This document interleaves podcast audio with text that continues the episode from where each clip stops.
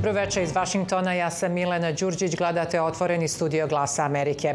Ruski predsjednik Vladimir Putin proglasio je ratno stanje u četiri nelegalno anektirane ukrajinske oblasti, Donjecku, Lugansku, Zaporoškoj i Hersonskoj oblasti.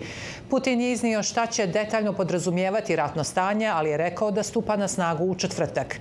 Njegovom odlukom se nalaže da vojska i policija u naredna tri dana podnesu prijedloge kako da se formira teritorijalna odbrana u četiri ukrajinske oblasti.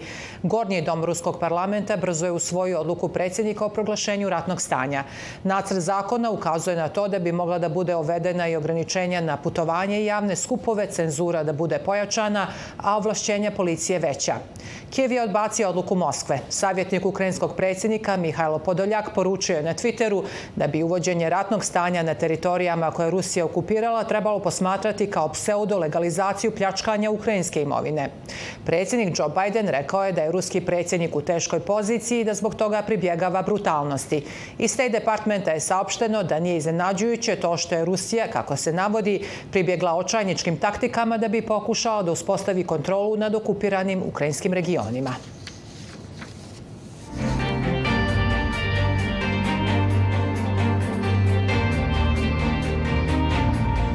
Specijalni zaslani Sjedinjenih država za Zapadni Balkan Gabriel Escobar izjavio je u Prištini da Amerika podržava evroatlantske integracije Kosova.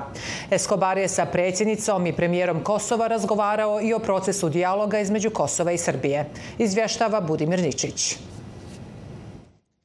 Predsednica Kosova Vjosa Osmani rekla je nakon razgovora sa specijalnim izaslanikom Sjedinjenih američkih država za Zapadni Balkan Gabrielom Escobarom da je Kosovo spremno da intenzivira dijalog sa Srbijom – Ona je istakla i da Kosovo ostaje posvećeno da uradi sve da održi svoje saveznike u odbrani mira i demokratije. Edhe nevojan për të ecur përpara në procesin e dialogut. Istakli smo i potrebu da idemo napred u procesu dijaloga. Mi smo potvrdili da Kosovo jeste i uvek je bilo konstruktivna strana u ovom procesu i spremno je da još više poveća angažovanje i spremnost kako bi se ovaj proces dijaloga intenzivirao. Osmani je navela da je u razgovoru sa američkim zvaničnikom izrazila zabrinutost zbog nesprovođenja postignutih sporazuma od strane Srbije. Posebno što se tiče toga da se razreše ilegalne strukture na severu Kosova koje zastrašuju srpski narod na severu. Ne samo što je Srbija odbila tako nešto, već nastavlja da ih podržava i finansijski i politički. Specijalni predstavnik Sjedinjenih američkih država za Zapadni Balkan Gabriel Escobar se nakon razgovora sa predsednicom Kosova kratko obratio medijima navodeći da je svrha njegove posete Prištini da pruži podršku kako je naveo evroatlantskim aspiracijama Kosova. The continued American support for Kosovo's aspirations Želeo bih da izrazim konstantnu podršku Amerike za evroatlantske težnje Kosova i za solidarnost u krizne vremena za Kosovo i načinu da produbimo partnerstvo. Veoma sam ponosna što je Kosovo doprinelo našoj zajedničkoj agendi. Događaj ove nedelje na Kosovu su bitan indikator kako Kosovo pozitivno doprinosi zajedničkoj agendi demokratije i slobode. Specijalni zaslanik Sjedinjenih američkih država za Zapadni Balkan sastao se i sa premijerom Kosova Albinom Kurtijem and we did discuss the questions of the relationship with Serbia.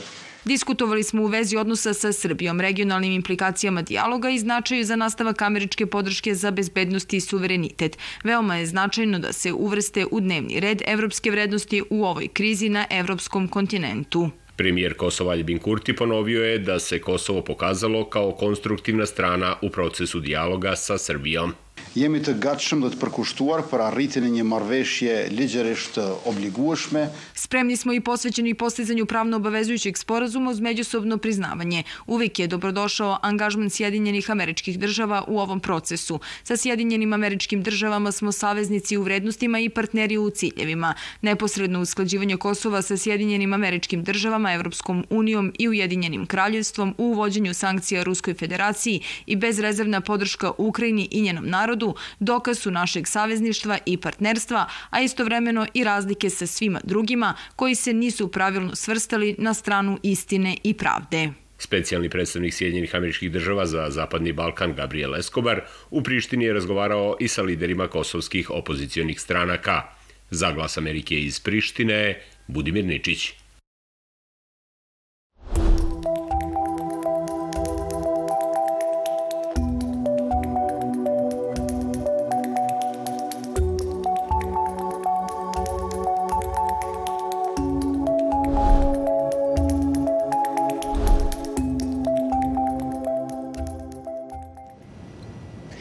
Ključni parametri demokratije u Srbiji su u silaznoj putanji, a mjeseci odlaganja formiranja vlade posle parlamentarnih izbora su propuštena prilika da se razgovara o ključnim pitanjima koja tište građane, kaže za glas Amerike Raša Nedeljkov, programski direktor CRTE.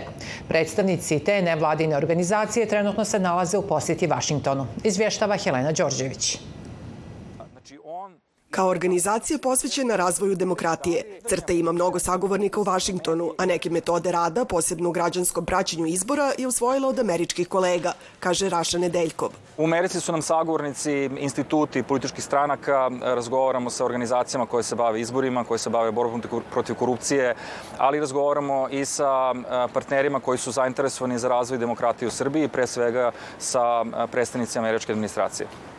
Kroz razmenu iskustava, predstavnici crte nastoje da pronađu načine kako da efikasnije utiču na razvoj demokratije u Srbiji i koliko i njihovoj moći pokušaju da zaustave negativne trendove koje su registrovali. Ključni parametri e, e, za demokratiju u Srbiji e, su u silaznoj putanji. Dakle, kada govorimo o slobodi medije, kada govorimo o pluralizmu mišljenja u medijima, kada govorimo o nezavisnosti ili podeli vlasti, nezavisnosti institucija ili podeli vlasti, dakle, sve su to indikatori koji ukazuju na okolnosti da imamo veoma zabrinjavajuću situaciju u Srbiji. Parlament koji mesecima praktično nije funkcionalan, vlada koja se nije formirala uprkos činjenici e, da e, imamo vrlo izvesnu većinu u Narodnoj skupštini i ono što je možda za nas kao građane najveći problem, to je da mi praktično u javnom prostoru nemamo razgovora o politikama. E, svi ovi meseci za nas koji su prošli u nekakvom političkom vakumu su propuštena šansa da se razgovara o ključnim problemima koje tište građane. A ti problemi, prema rečima Nedeljkova, su slični kao i oni koji muče građane Amerike. Pitanja koje se odnose na financije, ekonomiju i inflaciju i na koje ne dobijaju odgovor od srpskih političkih elita niti medija.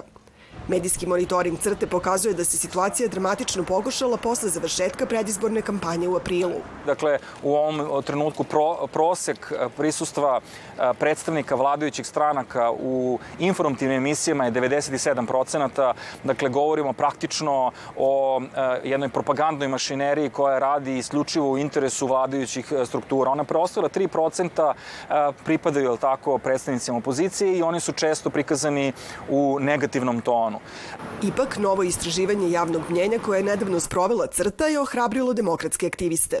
Jedno od indikator potencijalnih koji mogu da ukažu na to dakle, da je građanima stalo demokratije jeste i odgovor na pitanje koje smo im postavili u okviru javno-mjenskog istraživanja koje smo sproveli pre svega nekoliko nedelja, a to je da, da, da li biraju između, kad bi morali da biraju između demokratije i upravljanja Srbijom kroz čvrstu ruku, dakle kroz jedan autoritaran vid upravljanja, građani Srbije biraju demokratiju. S druge strane, aktiviste brine ravnodušnost građana prema procesu pridruživanja Evropskoj uniji. Crta koja od 2017. kontinuirano radi analizu medija, prati trend formiranja negativnog narativa o Sjedinjenim državama i Evropskoj uniji, dok se o Rusiji i tokom invazije na Ukrajinu u većini slučajeva izveštava pozitivno.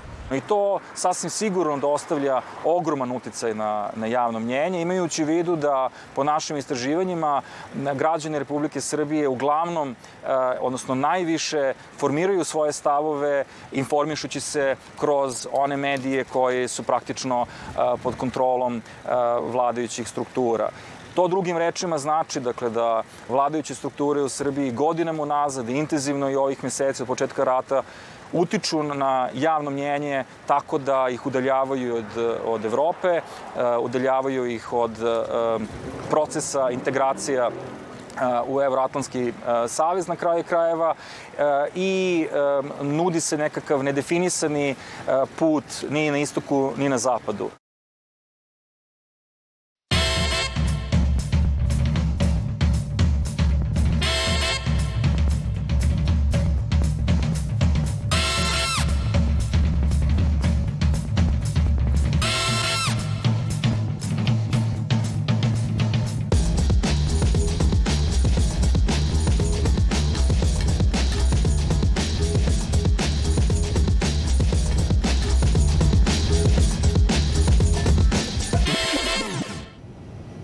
Američki predsjednik Joe Biden odlučio je da oslobodi 15 miliona barela nafte iz rezervi, a zatim da počne da ih ponovo popunjava, dok nastoji da smanji cijene benzina pred izbore za kongres 8. novembra.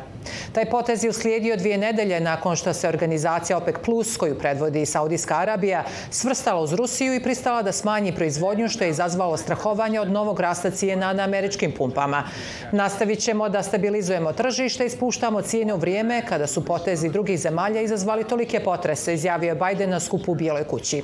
On je okrivio invaziju ruskog predsjednika Vladimira Putina na Ukrajinu za visoke cijene benzina i sirove nafte, ali primijetio da su cijene pale za 30% u odnosu na vrhunac ranije ove godine.